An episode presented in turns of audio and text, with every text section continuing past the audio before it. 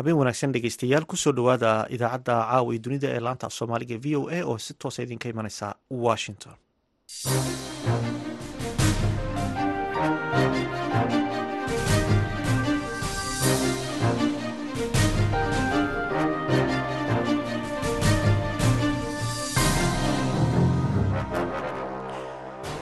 waa habeen khamiisaha bisha oktoobar ee sanadka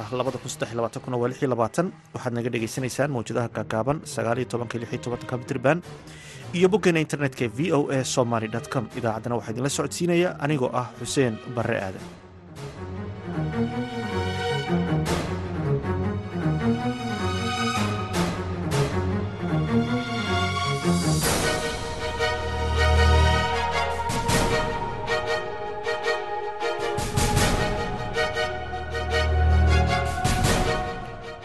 qodobada aad ku dhegaysan doontaan idaacadda caawiya dunidana waxaa ka mid ah waraysi ku saabsan nin toogasho wadareed dad badan ku dilay magaalada lewiston oo ku taalla gobolka maine ee dalkan maraykanka walaalo siday wax u dhaceen intaan ka warqabno. Weerarka wuxuu ka dhacay saddex goobood oo kala duwan goob ka mid ah ee ugu horreeyey weerarkuu ka dhacay waxay ahayd meel dadku ay u tagaan in lagu nafiso ama maaragtay lagu lugabadsado ciyaaraha. Waxaa kale oo aad maqli doontaan barnaamijka bandhiga v o a oo toddobaadkan ku saabsan waxbarashada carruurta soomaalida maraykanka run ahaantii soomaalida horumar badan bay ka samaysay xagga waxbarashada jaamacadaha yani takhasus kasta ad arkaysa hadda in ardaydan ay dhigtaan weliba caafimaadka iyo inay ku sii bateen. Marka guud ahaan dadku wa isku dhex jiraan dad intay bilaabaan dhammayn way way dhacdaa.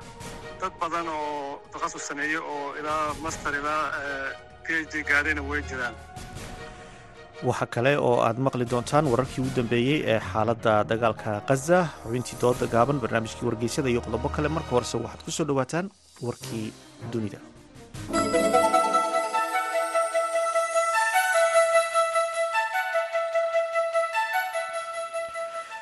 Boqolaal boolis ayaa ku sugan guud ahaanba gobolka maine ee dalkan maraykanka iyagoo baadigoobaya nin lala xidhiirinayo inuu dilwadareed ka geystay goob lagu caweeyo islamarkaana lagu ciyaaro taasoo ku taalla magaalada lewiston. Iyadoo warbaahintu ay ku soo waramayso in tirada dhimashadu ay cagacagaynayso labayo labaatan qof halka tiro kale oo intaasi ka badanna ay dhaawacmeen. Booliska iyo kuwa maxalliga ayaa sheegay in robert card oo afartan jir ah islamarkaana la sheegay in uu goob xanuunada maskaxda ah ku jiray xagaagii uu yahay qofka falkani lala xidhiirinayo iyaga oo markii hore shabakada facebooka soo dhigay sawiro muujinaya nin gar leh oo xidhan fulaanad koofiyad leh iyo surwaal jinis ah islamarkaana sitaa qori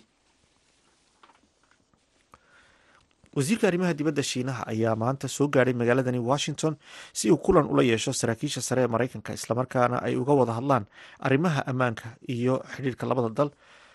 Xili labada wadan ay rabaan inay sii wadaan in uu furnaado hanaanka wadahadalka ee u dhexeeya xogeyaha arrimaha dibadda maraykanka ayaa ku qaabili doona casho kadib marka uu kulamada yeeshaan galabta la taliyaha amniga qaranka aqalka cad ee maraykanka jack sullivan ayaa isaguna jimcaha wadahadal kulan ah la yeelan doona.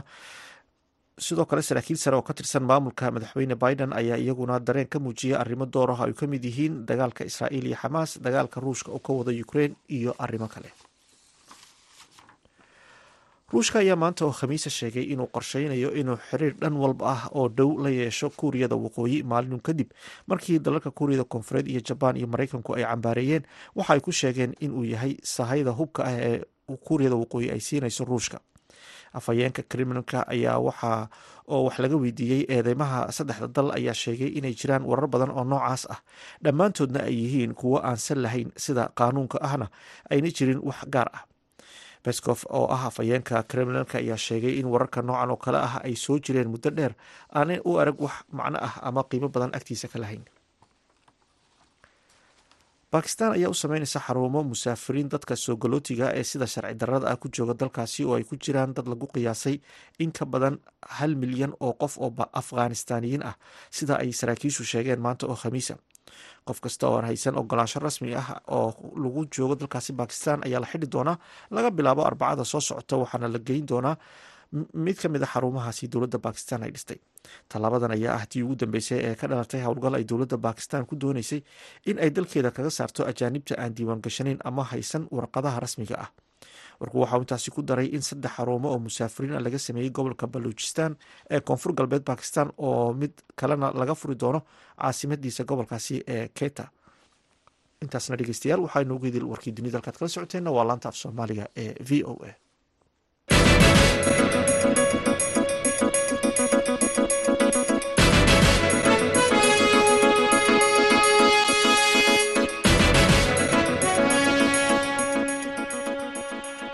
nagala socotaan waa laanta af soomaaliga v o a. Sidii aad warkaba ku maqlayseen boqolaal booliska mareykanka ah ayaa ka baadigoobaya gobolka maine nin lagu magacaabo robert card oo afartan jir ah oo loo raadinayo inuu ahaa kan geystay toogasho wadareed ay xalay dad badani ku dhinteen oo ka dhacday magaalada lewiston ee gobolka maine. Weerarkan ayaa la sheegay in ay ku dhinteen dad u dhexeeya ilaa qof tiro kalena waa ay ku dhaawacmeen magaaladan ayaa ka mid a magaalooyinka ay soomaalidu ku badan yihiin ee mareykanka cabdulaahi cali waa madaxa hay'adda gateway community service oo ah hay'ad arrimaha soomaalida ka shaqeysa oo ka howlgasha dhowr magaalo oo mayn ka tirsan oo ay magaalada dhacdooda ka dhacday lewistonna ay ka mid tahay. Maxamed colaad xasan oo khadka telefoonka kula xidhiiray ayaa ugu horreyn weydiiyey sida uu weerarkaasi u dhacay. Walaalo siday wax u dhaceen intaan ka warqabno.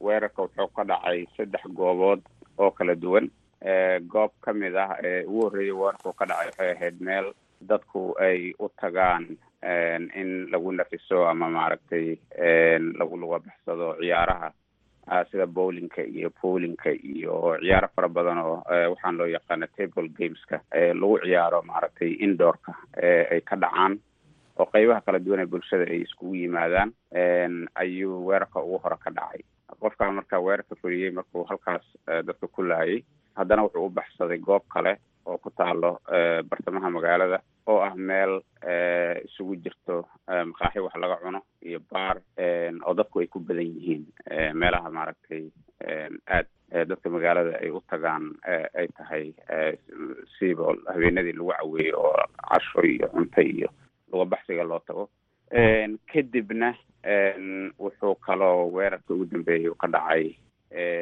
meel la yidhaahdo walmart distribution center oo ah goob ay leedahay shirkada weyn ee walmart loo yaqaano. Alaabaha u yimaado aagan bartamaha maine ay ugu kala diraan stooradooda iyo supermarketyadooda ku kala yaalo deegaankan. Marka waa meel aad trafiga iyo dadka isu maaragtay yimaado ay u badan yihiin bay ahayd iyo shaqaalahooda ku badan. Marka saddexdaa goobood buu weerarka ka dhacay. Qofka marka qof wuxuu weekaa maaragtay ku talagalay oo meelaha uu weerari doono maaragtay ay u calaamadaysnaayeen waa gartay. Xogta booliska iyo saraakiisha caafimaadka ee gobolka maxay ka sheegayaa maxay ka sheegaysaa tirada dhimashada iyo dhaawaca dadka soo gaaray? Walaal tirashada dhimashada tirada ugu dambeysay oo hadda la hayo waxaa lagu qiyaasayaa tiro go-an lama hayo. Goobaha caafimaad oo kala duwan baa la geeyey dadka dhaawaca iyo dhimashadaba. Laba iyo labaatan in ay tirada kor u dhaaftay baa la sheegay. Marka tiro cayimanoo hadda go-an lama hayo weli ilan dadka dhaawac ahabaa weli qaar aad xaaladooda u adag tahay oo lala lala tacaalaya dhaawaca ilaa lixdan way gaarayaan. Marka isku dardarka tirooyinka hadda la hayo waa intaasi weeye. Inay ka bataanna waa waa macquul. Waa gartay ilaa iyo hadda ma jirtaa cid soomaali ah oo wax ku noqday weerarkan oo aad maqasheen? Inta aanu ognahay ma jiro wax rasmi ah ma hayno sababtoo ah goobaha caafimaadka iyo laamaha ammaanka labadaba dadka waxy waxyeelada soo gaartay maysan sheegin magacyadooda. Inta badanna ilaa iyagu ay go'aanka ka gaaraan dadku ma ogaadaan qofka dee eheladiisa iyo intay waayaan oo la raadiyo waa meesheeda. Marka intaanu hadda ognahay soomaalida iyo masaajidada iyo maaragtay gurubyada soomaalida aanu iswacnay lama hayo wax ilaa haddana loo soo sheegay oo qof soomaali ahaa lala-yahay ama wax ku waxyeeloobay laakiin de soomaalidu way badan tahay magaaladaasna waxa weeyaan magaalooyinka soomaalida ugu badan tahay bay ka mid tahay. Waxaan isdhihi karaaba statekan soomaalida ugu badan waxay degan tahay lewiston urban oo ah meesha hadday wax ka dhaceen. Marka wax rasmi ah ma hayno ma xaqiijin karno lama dhihi karo. Soomaaliya waxba kuma gaarin laakiin waxna soo gaaray ilaa hadda ma jiro soomaalida ku nool magaaladaasi misaa lagu qiyaasaa? Tirada officialka ah ee maaragtay rasmiga ah inta badan waxaa lagu qiyaasaa soomaalida inta udhexayso shan kun ilaa sideed kun.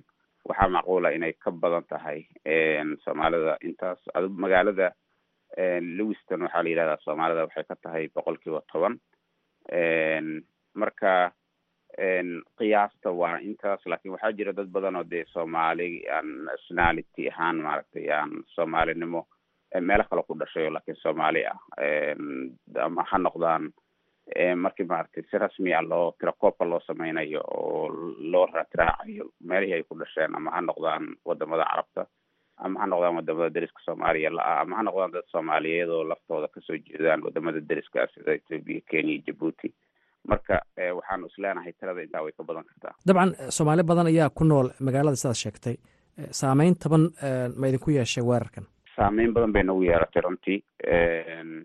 Tan iyo xilligii uu dhacay weerarka goobaha horta wax ka dhaceen mid ka mid ah wuxuu ku yaalaa faras magaalaha magaalada weeye soomaalidana meelaha ay u badan yihiin ganacsigooda. Waa halkaas marka xilliga waxa ay dhaceena waxay ahayd xilli salaada cishaha laga soo baxay dukaamadii iyo dadkii iyo maaragtay makaaxidihii wixii o dhan ay wada furan yihiin. Dadyow badan waxay ahayd xilligii ay maaragtay ka soo laabanayeen shaqooyinkoodii.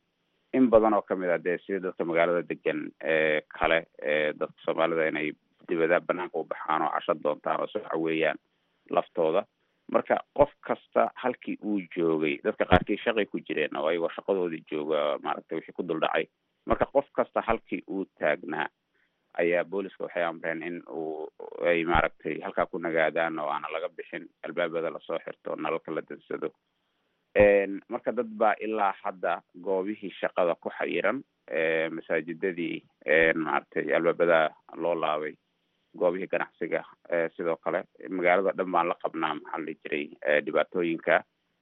Marka saameyn dee maskaxiyan ah oo maaragtay welwelka iyo cabsida iyo dadkay wax gaareen qof kasta ehelkiisa iyo dadka uu ka maqnaa ay u welwelayaanna way dee way jirtaa marka saameyn ba'an bay soomaalida ku yeelatay laakiin waa wax aanu la wadaagno dadka nala degan magaalada iyo stateka intooda kale. wa gartay. Wa gartay. Ugu dambeyntii ninkii weerarkan geystay xaguu ku dambeeyey? Inta hadda xogtiisa la hayo goobihii uu wax ku geystay wuu ka baxsaday. Baabuurkiisii uu watay waxaa laga helay magaalo u dhow goobta magaalada ay wax ka dhaceen oo la yidhaahda lisbon oo u jirto wax ka yar toban mile lewiston u jirtaa laga helay baabuurkii. Isagii marka waxaa loo badinayaa inuu lug ku baxsaday laakiin meel lagu sheegi karo ma ay jirto. Weli waxaa baadigoobaya booliska oo aada moodo inay maaragtay meelo kala duwan iskaga yimaadeen iyo laamaha kale ammaanka oo ayaga xoojinayo. Marka stateka oo idil ma aha keliya magaalada wax ka dhaceen gobolka oo idil ba maaragtay waxaa la amray in goobaha ganacsiga oo idil la xiro iskoolaadkii iyo goobihii waxbarashada iyo cisbitaalada wixii aan daruuri ahayn meel kastaa xiran. Marka weli waxaa la baadigoobayaa qofkii ninkaa wax geystay in la helo. Laakiin ilaa hadda weli laamaha ammaanka maysan sheegin meel uu ku dambeeyey. Laakiin ugu dambeyn raadkiisii baabuurka meeshuu kaga tegay unbaa la tuhmaya iyo aaga ka agdhow aad ayuu mahadsan yahay kaasi waxa uu ahaa cabdulaahi cali madaxa hay'adda gateway community service oo ah hay'ad arrimaha soomaalida ka shaqeysa kana howlgasha dhowr magaalo oo gobolka maine ah. Waxa uu khadka telefoon ugu waramayey wariyaha v o eda maxamed colaad xasan. Halkaad kala socoteen waa laanta af soomaaliga ee v o a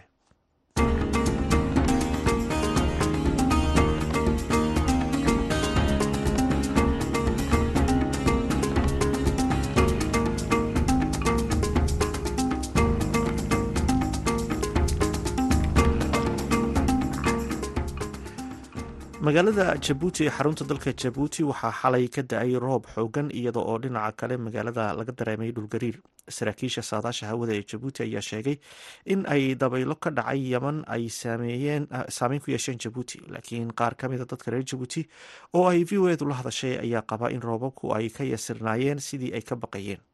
Warbixin arrintaas ku saabsan waxaa inoo haya wariyaha v o eda ramadaan muuse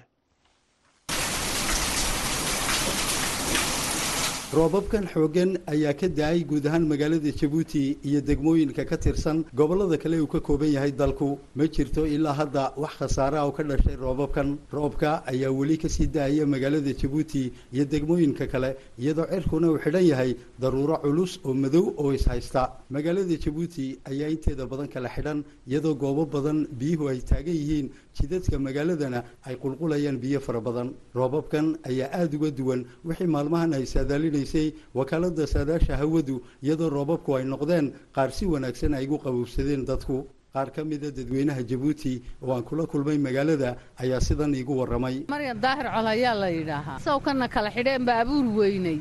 Een biyihii soo dhex qaadnay. Ee annakoo belbelagan luku nimidnay halkan. Baabuurba ma jiraba maxaan dirqi baan ku soo socday. Ruux weyn baan ahay. Socodkaan soo qaaday misadii baan halkan ku imiday oon beriiskii ciyaalka ka diyaarinayaa yaa laakiin ilaahay andana waa wax lagu mahadiyo soo maaha ilaahay maa keenay waa alxamdulilaah yaa waa kaana dul jooga ilaahay ku khayr qaba un ha nooga dhigo.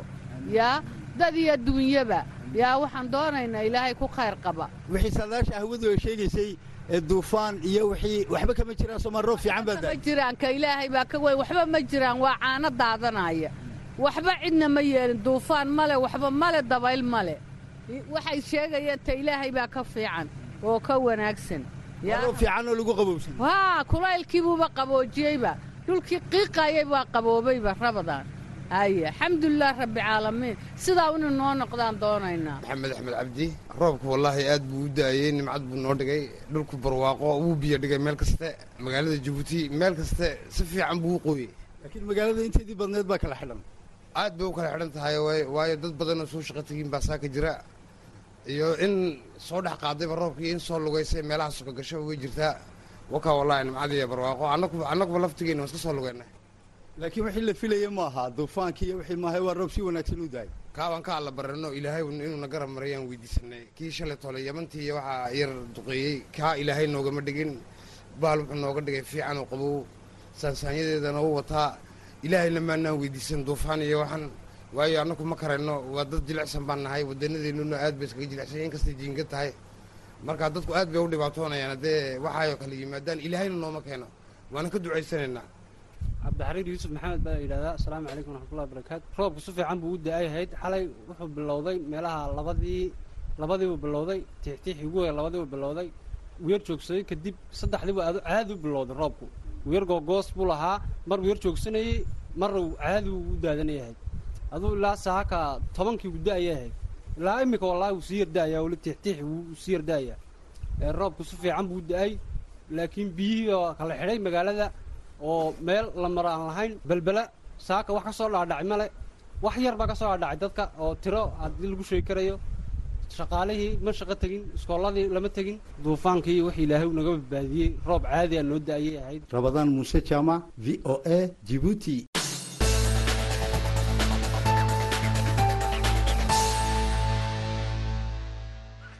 halkaad nagala socotaana waa laanta af soomaaliga ee v o a milatariga israa'iil ayaa weerar bartilmaameedsan oo dhinaca dhulka ah xalay ku qaaday waqooyiga khaza iyagoo adeegsanaya taangiyo. Tallaabada milatariga israa'iil ayaa timid saacada kadib markii ra'iisul wasaaraha israa'iil benyamin netanyahu uu sheegay in israa'iil ay u diyaargaroobayso weerar dhulka ah oo ay ku gasho khaza milatariga israa'iil ayaa maanta oo khamiisa sheegay in howlgal dhulka ah ay ka fuliyeen marinka khaza halkaasi oo ku dhowaad saddex toddobaad ay ciidamada israa'iil ka wadeen duqaymo ay ku bartilmaameedsanayeen xamaas ciidamada israa'iil ayaa sheegay in taangiyadooda iyo ciidankoodu ay garaaceen unugyo ay ugu yeedheen argagixiso sida ay hadalka u dhigeen.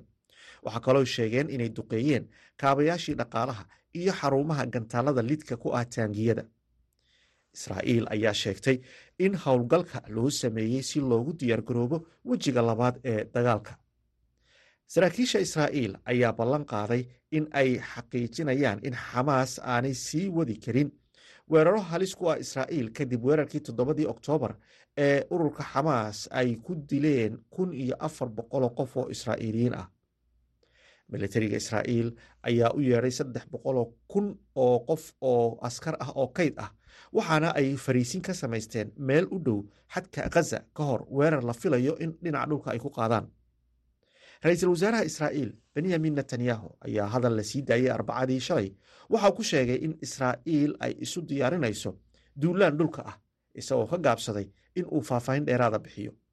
Madaxweynaha maraykanka jo biden ayaa isaguna arbacadii ka dhawaajiyey taageerada maraykanka ee muddada dheer la raadinayay oo ah laba dowladood oo deris ah oo ay yeeshaan falastiin iyo israa'iil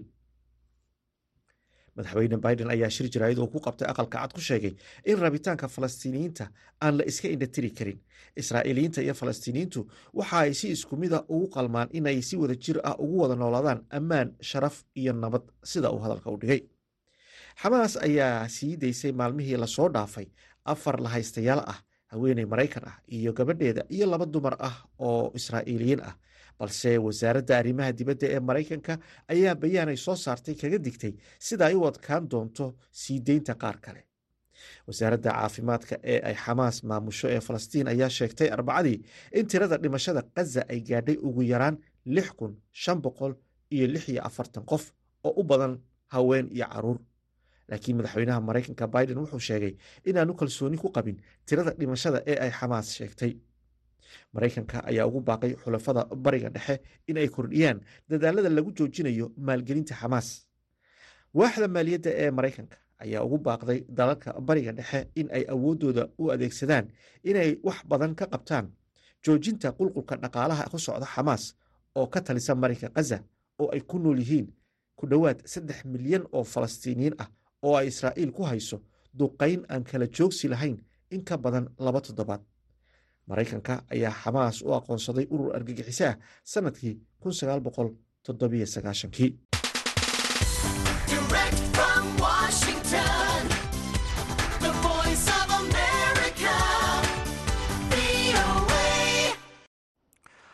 haatan dhegeystayaal ku soo dhowaada barnaamijkii bandhiga v o a waxaa inala socodsiineysaa saare cabdi axmed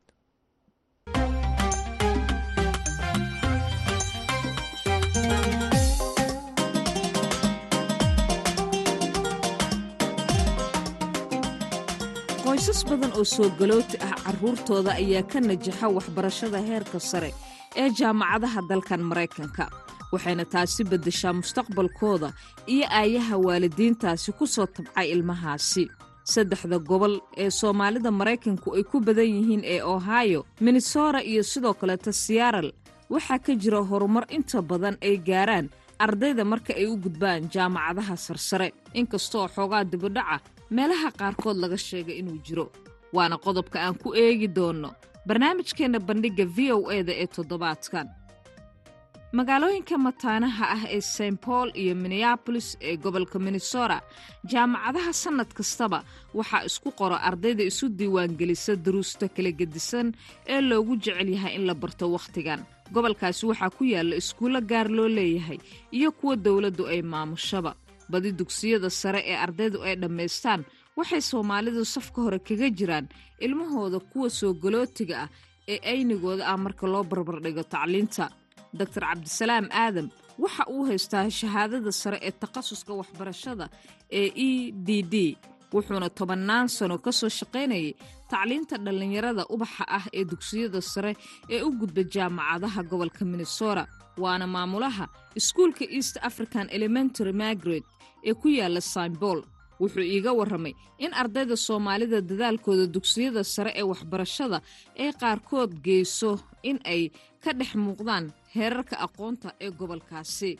Run ahaantii soomaalida horumar badan bay ka samaysay xagga waxbarashada jaamacadaha yani takhasus kasta ad arkaysa hadda in ardaydan ay dhigtaan weliba caafimaadka iyo inay ku sii bateen marka guud ahaan dadku way isku dhex jiraan dad intay bilaabaan dhammayn way way dhacdaa dad badan oo takhasus sameeye oo ilaa master ilaa p d gaadhayna way jiraan marka anu waxaan u arkaa inuu dadaal badan jiro ardaydeenuna markii loo fiiriyo qowmiyaadkaas dee dalka maraykanka degan ee dadaalaya bay ka mid yihiin waana ka muuqanaa dhalinyaradan waa arkaysaa siba xagga ganacsiga iyo hay'adahan kale non profitka la dhaho badan as qaar badan oo ardaydeena ahaan jiro hadda waxaad arkaysa waalido caruurtoodii hadda iskuullada ay tusaalahaan dugsiga bariga african ka shaqeeyo oo kale hadda ay caruurtoodii soo galeen marka alxamdulilah dadaal badan baa jira. Gobolka labaad ee soomaalida degan dalkan maraykanku ay ku badan yihiinna waa ohio.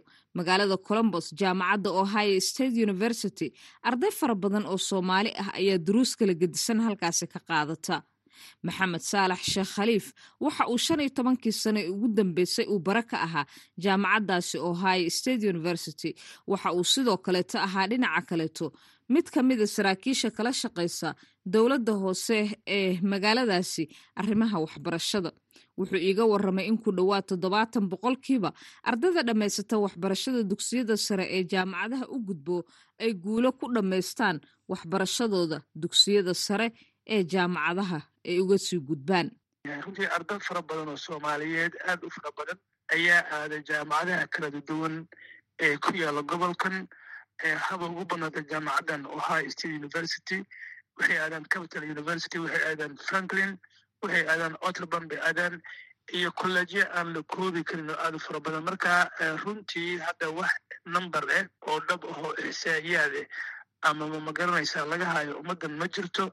Laakiin sida aan qiyaasaya anna aanba ka warqabo for the last twenty five years oo dadkan waxaan ku dhex jiray walaal ardadeenna alxamdulilah ma xuma aad baan u fiicnay waxaan odhan karayaa ilaa iyo toddobaatameeyo boqolkiiba way aadan baan odhan karaya.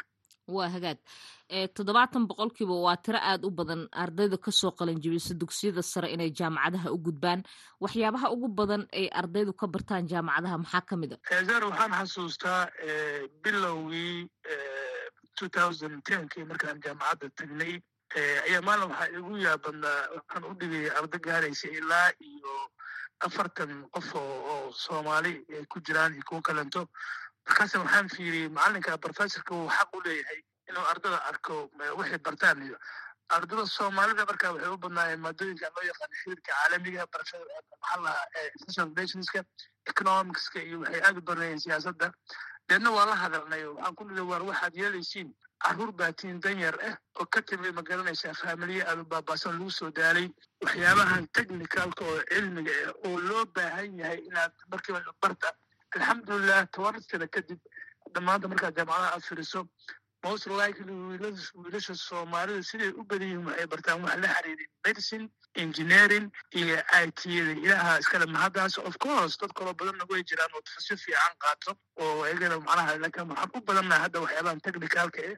Gabdhahana waxyaabahan scienceska iyo maaragtay medicalka iyo nursing programka iyo wax allaalo oo la xiriira medicinekaas ayay bartaan marka dadka magaaladan columbus ohio joogo ee wax ka barta aad iyo aad bay macnaha u fiican yihiin for the last fifteen years wana isbedeleen waayadan dambe waxaa si weyn loo hadalhayaa dhallinyarada ku biirayso kooxaha hubaysan ee burcadda ah ee isdilaya ayaga dadkana dhacaya waxayna u badan tahay in dhallinyaradaasi ay yihiin kuwo ku jira da'aadda siddeed iyo toban sano jirka ilaa iyo soddon jirka waxaa la sheegaa in dhallinyaradaasi soomaalida ay ka saaqideen badankood heerarkii waxbarashada oo qaarkood daroogada ay isticmaalaan. Laakiinse doctor cabdisalaam aadan oo ah maamulaha iskuulkaasi east african ee ku yaalla symbol gobolka minnesota ayaa qaba in tiradaasi ay ka badan tahay tirada dhallinyarada ah ee ayagu sida quruxda badan ee firfircoonida leh uga soo baxa jaamacadaha iyaga oo ku baasa heerar fiican islamarkaasina howlo kala gedisan gobollada ka qabta.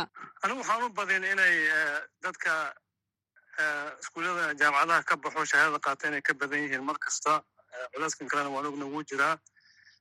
Marka anigu waxaan dhihi qiyaas ahaan ugu yaraan boqolkiiba toddobaatan inay jaamacadaha dhameeyaan baan is leeyahay tan kale waxyaalaha keena niyadjabka iyo carruurta inay waxbarasho sii wadi waayaan marar badan caqabaad kaga yimaada xagga idadiilada iyo arrinta waxbarashadii oon u caddaynayo waddanka oo habka u samaysan yahay waxyaalo cusub oo inagana aan arkaynin laakiin dhalinyaradu ay arkayaan oo marka noqoto xagga fursadda iyo xagga dhiirigelinta macallimiintu si ula dhaqmi jireen iyo arrimo badan oo saasaa ka hor yimaada laakiin guud ahaan kulleyda qoysaskiina culaysna wuu jiraa waalid badan oo dadaalayo carruurtooda daba joogana way jiraan marka anigu waxaan rumaysnahay mar kasta inay dadka sidii loogu talagalay wuxuu wada wanaagsan ka badan yihiin dadka kale mar kasta magaalada siyaaral ee gobolka washingtonna waxa ay ka mid tahay meelaha ay soomaalida muddada dheer ay degan tahay. Si ka duwan gobollada ohaayo iyo minnesota waxaa la arkaa arday iyagu dugsiyada sare buundooyin hoose kaga baasa islamarkaasina ay ku adkaato inay helaan deeqa waxbarasho gobolkaasi ama duruustiiba ay ka niyad jabaan taasi ayaa mararka qaarkood waxa ay keentaa hoos u dhac weyn oo laga dareemo ardayda dugsiyada sare ka baxda ee hela jaamacadaha qaadan kara amaba u gudba waxbarashada sare. Waxaana taasi sabab looga dhigaa ardaydaasi oo waalidiintooda ay degan yihiin guryaha dadka danyarta ah. Arday oo dugsiga sare ka bixi waayey aaday noogu yaryihin annaga soomaali ahaan.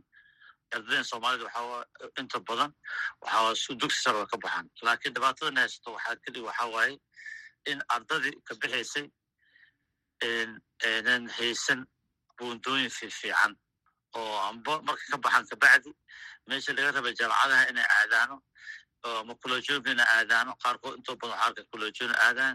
Qaar way jiraan jaamacadaha aado oo fiican sanad sanadka daba ku sii ficnaanaya laakiin guud ahaan maxamed cali rooble waxaa ku dhowaad lix iyo labaatan sano uu ku soo jiray kobcinta waxbarashada dugsiyada sare iyo jaamacadaha siyaaral laakiinse khabiirkaasi waxbarashada maxamed cali rooble ayaa dhanka kale sheegay inay jiraan dhallinyaro ku guulaysta qaarkood waxbarashada sare sannadahan dambe oo soo koraya. Tirada ardaydaasi ayuu sheegay inay tahay mid aada isu soo taraysay. Ardada soomaalida waxaa arkaysaa hadda oo oo dugsiyada sare ka soo baxo intooda badan jaamacaday bilaabaan jaamacaduna ka soo baxaan intooda badan. Waxaa arkaysaa xataa magaalada hadda joogno waa kambaniya waaweyna ku yaallo oo ka mid yihiin point oo ka mid yihiin microsofta kamida starbucksa kamida amazona kamida waxaas kulli waxaa arkaysaa arday soomaali oo ka shaqeeya arkaysaa gaarahaan waxaa arkaysaa point oo kale waxaa arkaysaa ugu yaraan. Waxaa ka shaqeeya ugu yaraan sagaal iyo toban camar oo arday soomaaliya oo inta ka baxay.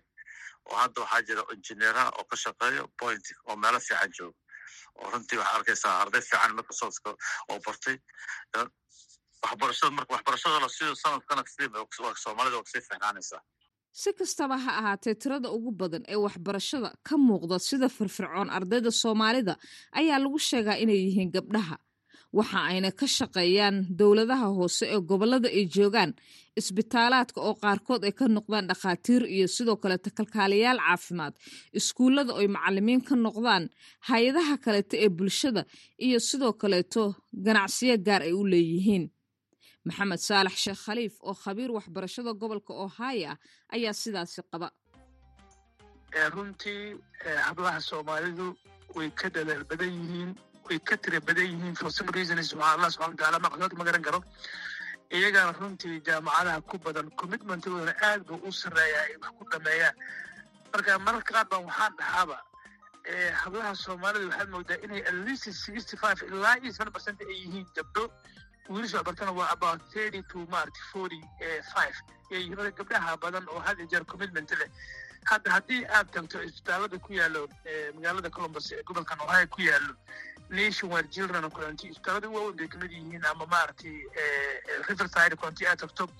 Gabadha soomaaliyeed ee xijaabka qabtee dhowara dheer ee midabka ma garanaysaa madowla qurux badan leh. Aad iyo aad bay uga muuqataa maasha allah. Marka gabdhaha arrintaa iyada ku dheeray ilahay ha barakeeyo si lamida gobolka ohio gobolka washingtonna iyo minnesoraba waxaa ka jira arrintaasi la mida oo gabdhaha ayaa si weyn uga dhex muuqda waxbarashada sida uu leeyahay. Mar kale maxamed cali rooble hadda waxaa arkaysaa jaamacadda hadda university of boston oo kale. Ardada dhiganaysa soomaalida waxaa arkaysaa way badan yihiin laakiin waxay u badan yihiin gabdho. Wiilasha way ku yaryihiin wiilash marma yaryihin waxaa arkaysaa boqolkii labaatan shan waxaa arkaysaa ardada dhigato. Wiilal waa intooda badan waa gabdho oo runtii aad u dadaalayo tacliinta sare ayaa wax badan ka beddesha nolosha iyo hiigsiga mustaqbalka fiican ee dhallinyarada waana taas sababta ay waalidiin badan dhaqaale iyo dadaalba u geliyaan ubadkooda inay helaan aqoon najaxda oo ay berri bulshada kaga dhex shaqaysan karaan ayagana aayahooda ay kaga talin karaan barnaamijkii bandhigga v o edana waa naga intaas toddobaadkan. Intaynu mid lamida ku kulmi doonno. Waa sahre cabdi axmed oo idinle sidaasi iyo nabadgelyo.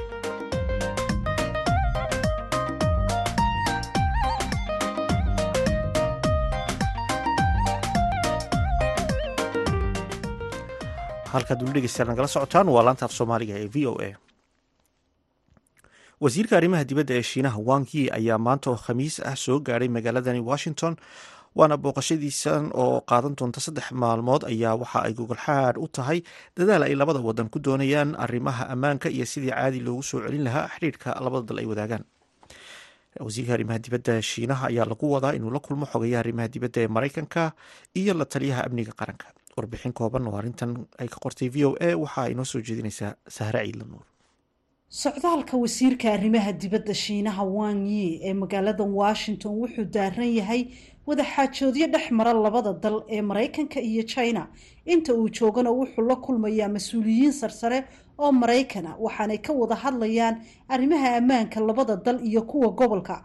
Sidoo kale socdaalka gaarka ah wasiirka arrimaha dibadda ee china ujeedadiisu waxay tahay sidii dib loogu furi lahaa albaabada wadahadalada xogayaha arrimaha dibadda ee maraykanka antony blinken ayaa waan ku soo dhaweynaya xarunta waaxda arrimaha dibadda ee magaalada washington islamarkaana casho sharaf ugu sameynaya marka ay shirarku dhammaadaan galabnimada. La taliyaha amniga qaranka ee aqalka cad jake sullivan ayaa isaguna la kulmaya waxaana shirkoodu ka dhacaya xarunta blair house oo u dhow aqalka cad berri oo jimca dhanka kale mas'uulkan ugu sarreeya diblomaasiyadda shiinaha ayaa loogu baaqay inay sii daayaan muwaadiniinta maraykanka ee sida xaqdarada ugu xidhan dalka china. Waxaa kale oo lagu cambaareeyey habdhaqanka ciidamada shiinaha ee badda koonfurta china. Guddoomiyaha guddiga arrimaha amniga gudaha ee aqalka hoose ee kongareska michael mccool iyo guddoomiyaha guddi hoosaadka loo xil saaray indo pacific yang kim ayaa bayaan ay soo saareen ku sheegay inay jiraan dhibaatooyin gudaha iyo dibaddaba ka haysta china xilligan. Madaxweynaha maraykanka joe biden oo isaguna ka hadlayay shir jaraa-id oo ay wadajir u qabanayeen ra'iisul wasaaraha dalka australia antony albanese ayaa sheegay in koboca dhaqaalaha shiinuhu imika yahay mid fadhiida marka loo eego sidii uu awal ahaan jiray. Biden ayaa sidoo kale ku celiyey taageerada ay xukuumadda washington siinayso dowladda philibiin kadib dhacdo dhowaan ay maraakiibta shiinuhu ku xanibeen laba markab oo philibiin leedahay meel u dhow. Aagga loo yaqaano thomas shuwal oo ku yaalla badda koonfurta china oo lagu muransan yahay. Shiinuhu waxa uu sheegtay lahaanshaha ku dhowaad dhammaan badda koonfurta china oo ah marinbiyood aada u khayraad badan balse dhinacyo badani ay sheegtaan. Xogayaha arrimaha dibadda blinken ayaa isaguna ugu baaqay shiinuhu inay ka howlgalaan saameynta ay ku leeyihiin iiraan si ay uga hortagaan in dagaalka israa'iil iyo xamaas uu ku faafo gobolka bariga dhexe balse rajada maraykanku ka qaba suurtagalnimada arrintaasi ayaa hooseysa. Washington ayaa sidoo kale sheegtay in tehraan ay sii wadato taageerada ay siiso mintidiinta xamaas kuwaasi oo taageersanayn in la gaadho xal laba dowladooda maraykanka israel masar midooda yurub iyo jabaan waxa ay u yaqaanaan ururka xamaas inuu yahay urur argagixiso. Geesta kale shiinaha iyo ruushka uma aqoonsano xamaas inay tahay koox argagixisa ee waxa ay u arkaan inay tahay wakiil sharci ah oo maamula falastiiniyiinta ku sugan qasa aad ay u mahadsantahay saare ciidanuur oo warbixintaasi nala socodsiinaysa halkaad ka dhegeysanaysaana waa laanta af soomaaliga ee v o a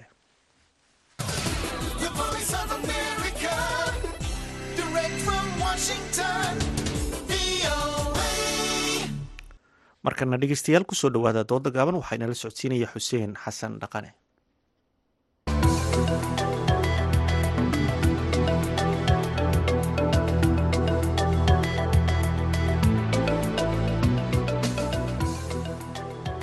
Bilihii ugu dambeeyey gacanta dowladda waxaa soo galay deegaano markii hore muddo sannado ah ay ka talinaysay kooxda al-shabaab.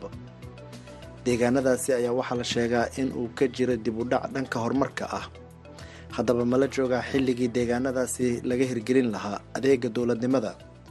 Waa xubinteena dooda gaaban waxaa toddobaadkan igu marti ah guddoomiye ku-xigeenka koowaad ee maamulka magaalada jallaqsi ibraahim madoowe nuur iyo maxamed shuuriye siyaad oo ka mid ah aqoon-yahanada degmada jallaqsi hadalka waxaan marka hore siinayaa maxamed shuuriye horta doodan waa dood aada muhiim u ah wakhtigeediina la joogo laakiin aniga macnaha fikir ahaan waxaan qabaa dhul badan ayaa la xoreeyey oo ay awal shabaab horu haysteen. Sida aan ka warqabnana wax la gaarsiiyey dhulkaas oo adeegii bulshada ah. Oo ha noqoto haba yaraatee in yaraa ma jirto. Xoreyntii weli waa socotaa inkastoo meelo ay ku harsiyiin haddana gobolka hiiraan dhul kaleeto macnaha hadda dagaalo ka socda. Hadda meesha aan joogno jalalaqsi meel la yidhaahdo califool dheere waxaa ka jiro macnaha dagaalaa ka socdo wixii hore la xoreeyaa wax loo la'yahaaba wax laga hirgeliyey oo maamul ha noqoto hirshabeelle ha noqoto dowladdii federaalka ha noqoto baahida waa iska caddahayba baahida waa jirtaaba in dadkii la gaarsiiye aad iyo aad ay ugu baahan yihiin laakiin maba la gaarsiin haddana tabaabasho in wax la gaarsiinayo nooma muuqdaba wax noo muuqdo faalo ah in la gaarsiiye mama jiraanba hadda.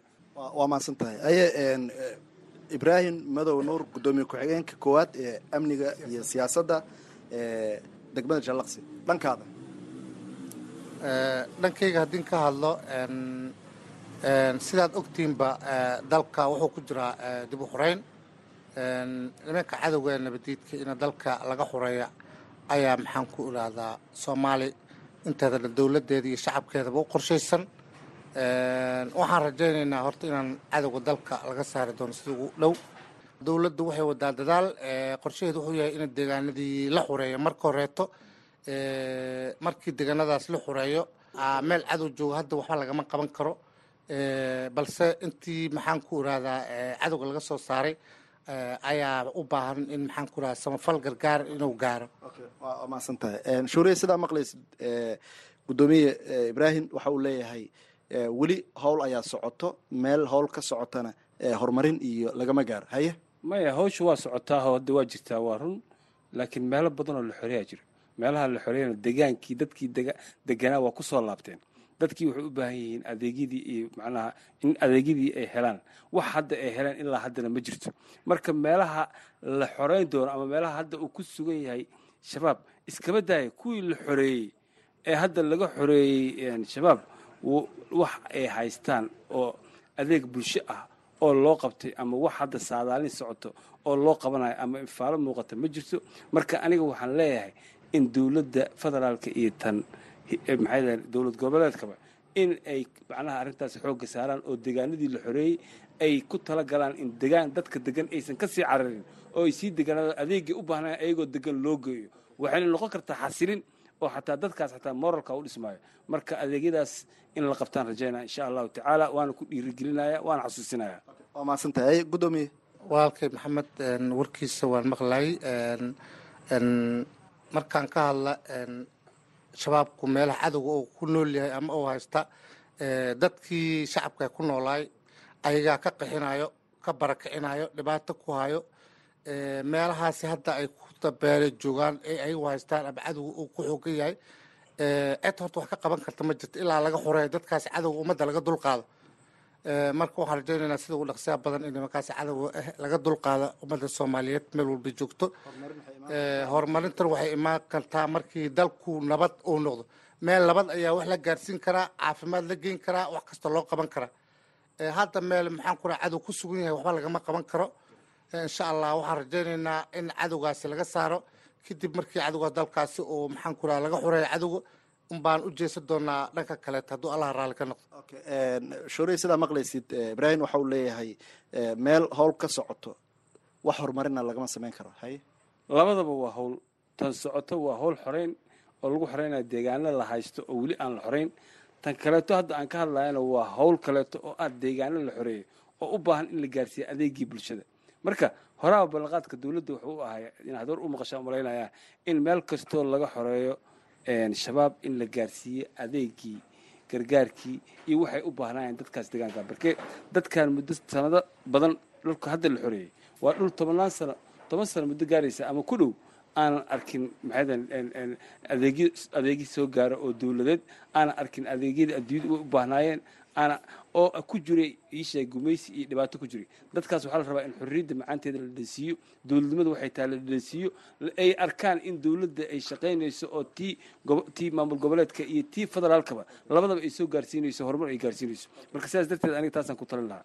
Ibraahim madow dowladda horta soomaaliya ma fadhiso shaqay ku jirtaa maxaan ku rahdaa dib u xoreynay haysaa dalka maxaan ku rahdaa habeenii maalin dowladda fadhinin madaxweynihii soomaaliya inuu maxaan ku irahdaa tuulooyinka iyo degmooyinka uu ku sugan yahay waad ka warqabtaa. Waxaa intaasi loo maraayo waa in dalka la xoreeyo ciidamadii soomaaliya afar laab sac furmaha iyo meelaha dagaalka goobaha dagaalka ay taagan yihiin. Dowladda si walba way ku taagan tahay oo maxaan ku irahda waxaa hadda xoogga ay saartay ee shaqadeedu tahay inay horta dalka ka xuraysa cadowga ku sugan. Hadduu cadowga dalka markii laga sifeeyo ayay dowladdu u jeesan kartaa inay maxaan ku irahdaa meelihii la soo xoreeyey inay xarumo caafimaad ka furto. Baahiyii maxaan ku irahdaa bulshadao dhan ay maxaan ku irahda ka hirgeliso. Balse hadda caqabada taagan waxa waaya meeluu cadow ku sugan yahay oo dadkii la burinayo shacabkii lagu baabi'inayo dowladdu adiguba waad garan kartaa oo wax lagama qaban karo. Balse meesha wax laga qaban karo waa meeshii maxaan ku raha xur oo cadowgaasi laga fogeeyey oo nabadgelyo ah marka insha allah waxaan rajaynaynaa dhulka markii maxaan ku raha la xureeyo. Hadda meelaha noogu dhow dagaala ka socdo muddo afar maalmood ah iyo shan maalmood xitaa guddoomiyii degmada uu ku maqan yahay oo dagaalku ka mid yahay maxaan ku irahdaa maamulka kala qaybihiisii kala duwana xitaa wuu ku jiraa saraakiishii degmadu. Lagoma kala harin muddo afar maalmood iyo afar habeen waxay ku jiraan dagaal oo maxaan ku irahdaa habadaa ka dul socoto marka insha allah hadduu ilaah yaraa waxaan rajaynaynaa in dalka markii la xoreeya wax walba ummadda shacabka loo qaban doono hadduu allah raalli ka noqdo. Waa soo gabagabaynaynaa shuuriya adaan ku siinaya markaan. Haddii deegaanada hadda gacanta dowladda ku jira aanan wax horumar ah iyo adeegyadii ay rabeen dadku ayna helin maxaa dhici kara?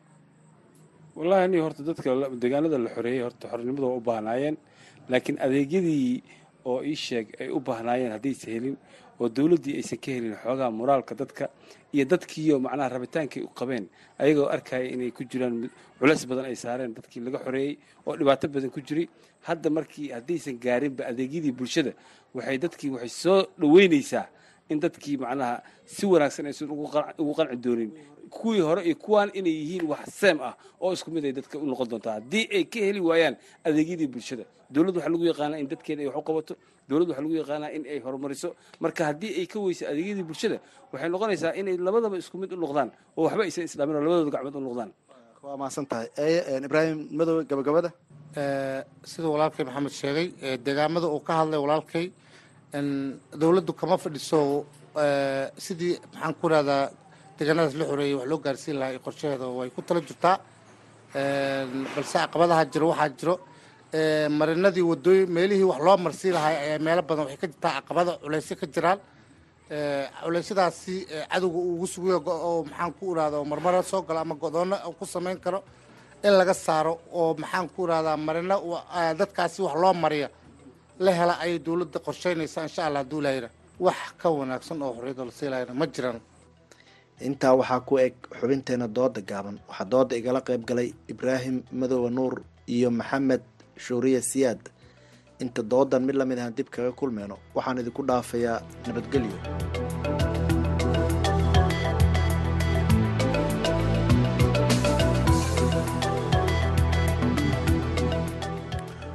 Aad ayuu mahadsan yahay xuseen xasan dhaqane oo inala socodsiinaya doodaasi gaaban. Halkaad kala socoteen waa laanta af soomaaliga v o a. Markana ku soo dhowaada barnaamijkii amuuraha barnaamijkii wargeysada iyo waxa ay qoreen. Waxaa soo diyaariyay cabdixakiin maxamuud surwac iyo cabdixaafid cawil ismaaciil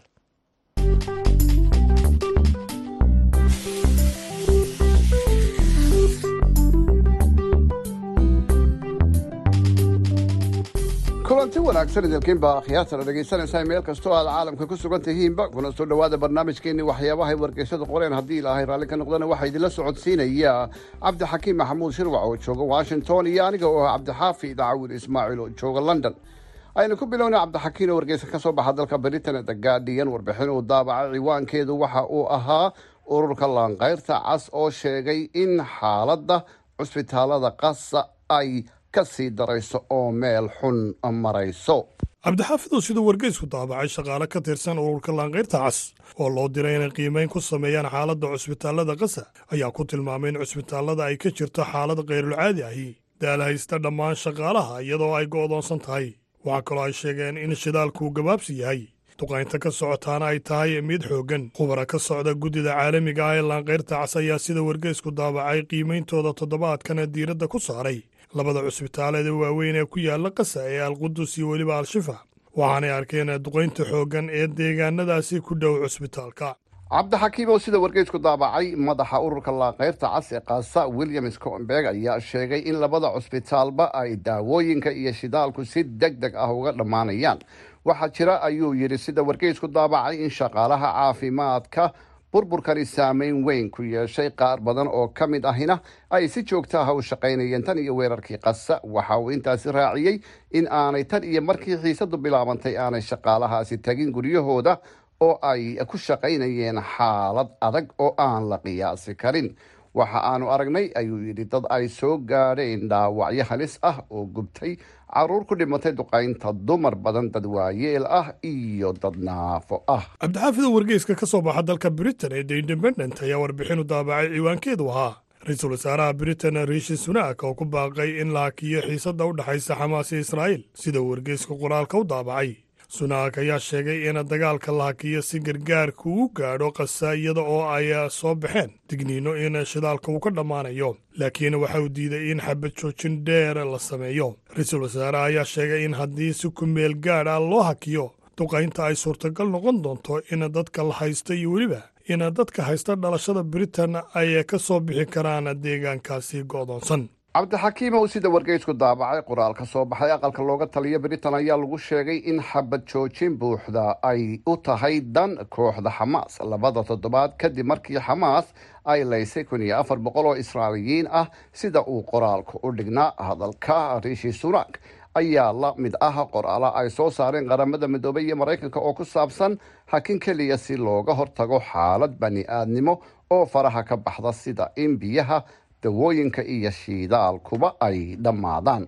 Cabdixaafidow sida wargeysku daabacay xildhibaano ka badan siddeetan oo baarlamaanka britain ayaa ku baaqay in xabad joojin iyada oo ilaayo imika la laayahay shan qof oo u dhashay ingiriiska oo qaar ka mid ah la filayo in qase afduuba loogu haysto. Dhinaca kalena sida wargeysku daabacay baaqan xildhibaanada ayaa imanaya. Kadib markii culays weyni kaga yimi xildhibaanada muslimiinta ah iyo weliba xildhibaanadan ku baaqay xabad joojinta hoggaanka xisbiga mucaaridka sara kier starmer kadib markii uu taageeray duqaynta qasa cabdixakiimow sida wargeysku daabacay kadib culayskan xildhibaanada muslimiinta ah ee ka soo baxa xisbiga mucaaradku ay saareen hogaamiyahooda ayuu ra'iisul wasaaruhuna soo saaray baaqan hakinta dagaalka qaramada midoobay ayaa ka digtay sida wargeysku daabacay inay shaqaalaha howlaha bani-aadnimadu ay ku khasbanaan doonaan inay joojiyaan howlaha gargaarka haddii ay israa'iil sii wado godoonka qasa shidaalkuna uu dhammaado. Intaasi ayaynu dhegaystayaal ku soo gabagabaynayna barnaamijkeeni waxyaabaha ay wargeysyadu qoreen. Cabdixakiim maxamuud shirwac oo jooga washington iyo aniga oo ah cabdixaafid cawil ismaaciil oo jooga london ayaana idinla socodsiinayay. Tan iyo inta aynu dib u kulmayno haddii ilaahay raalli ka noqdo cabdixakiim iyo aniguba waxa aanu idin leenahay sidaas iyo nabadgelyo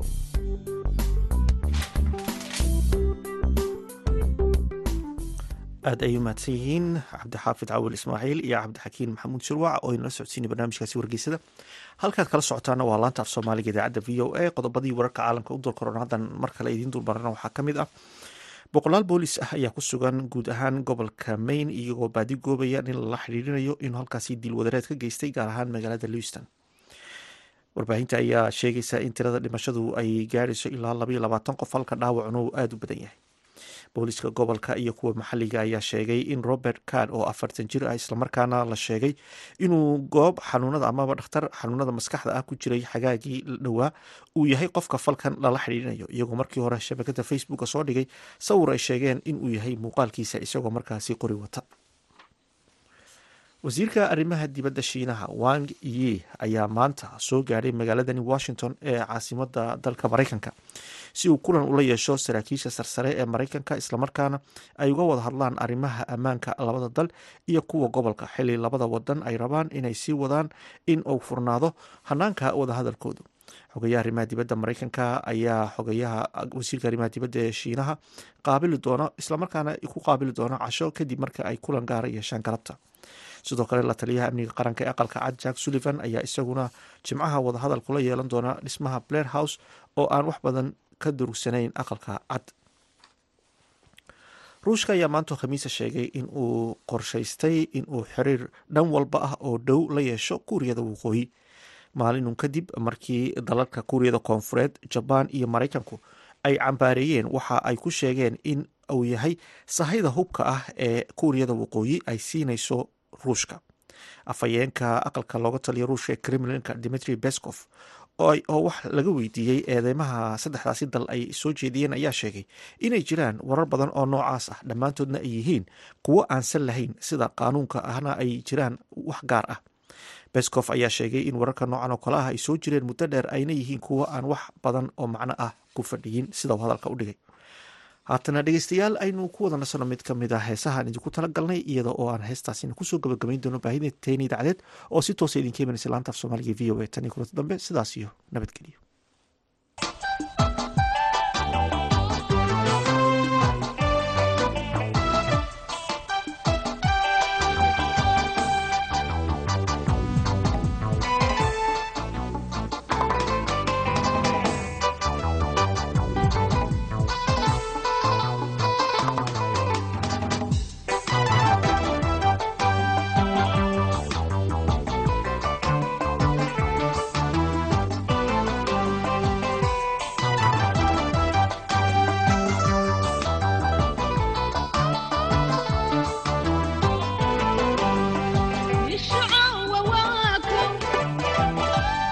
But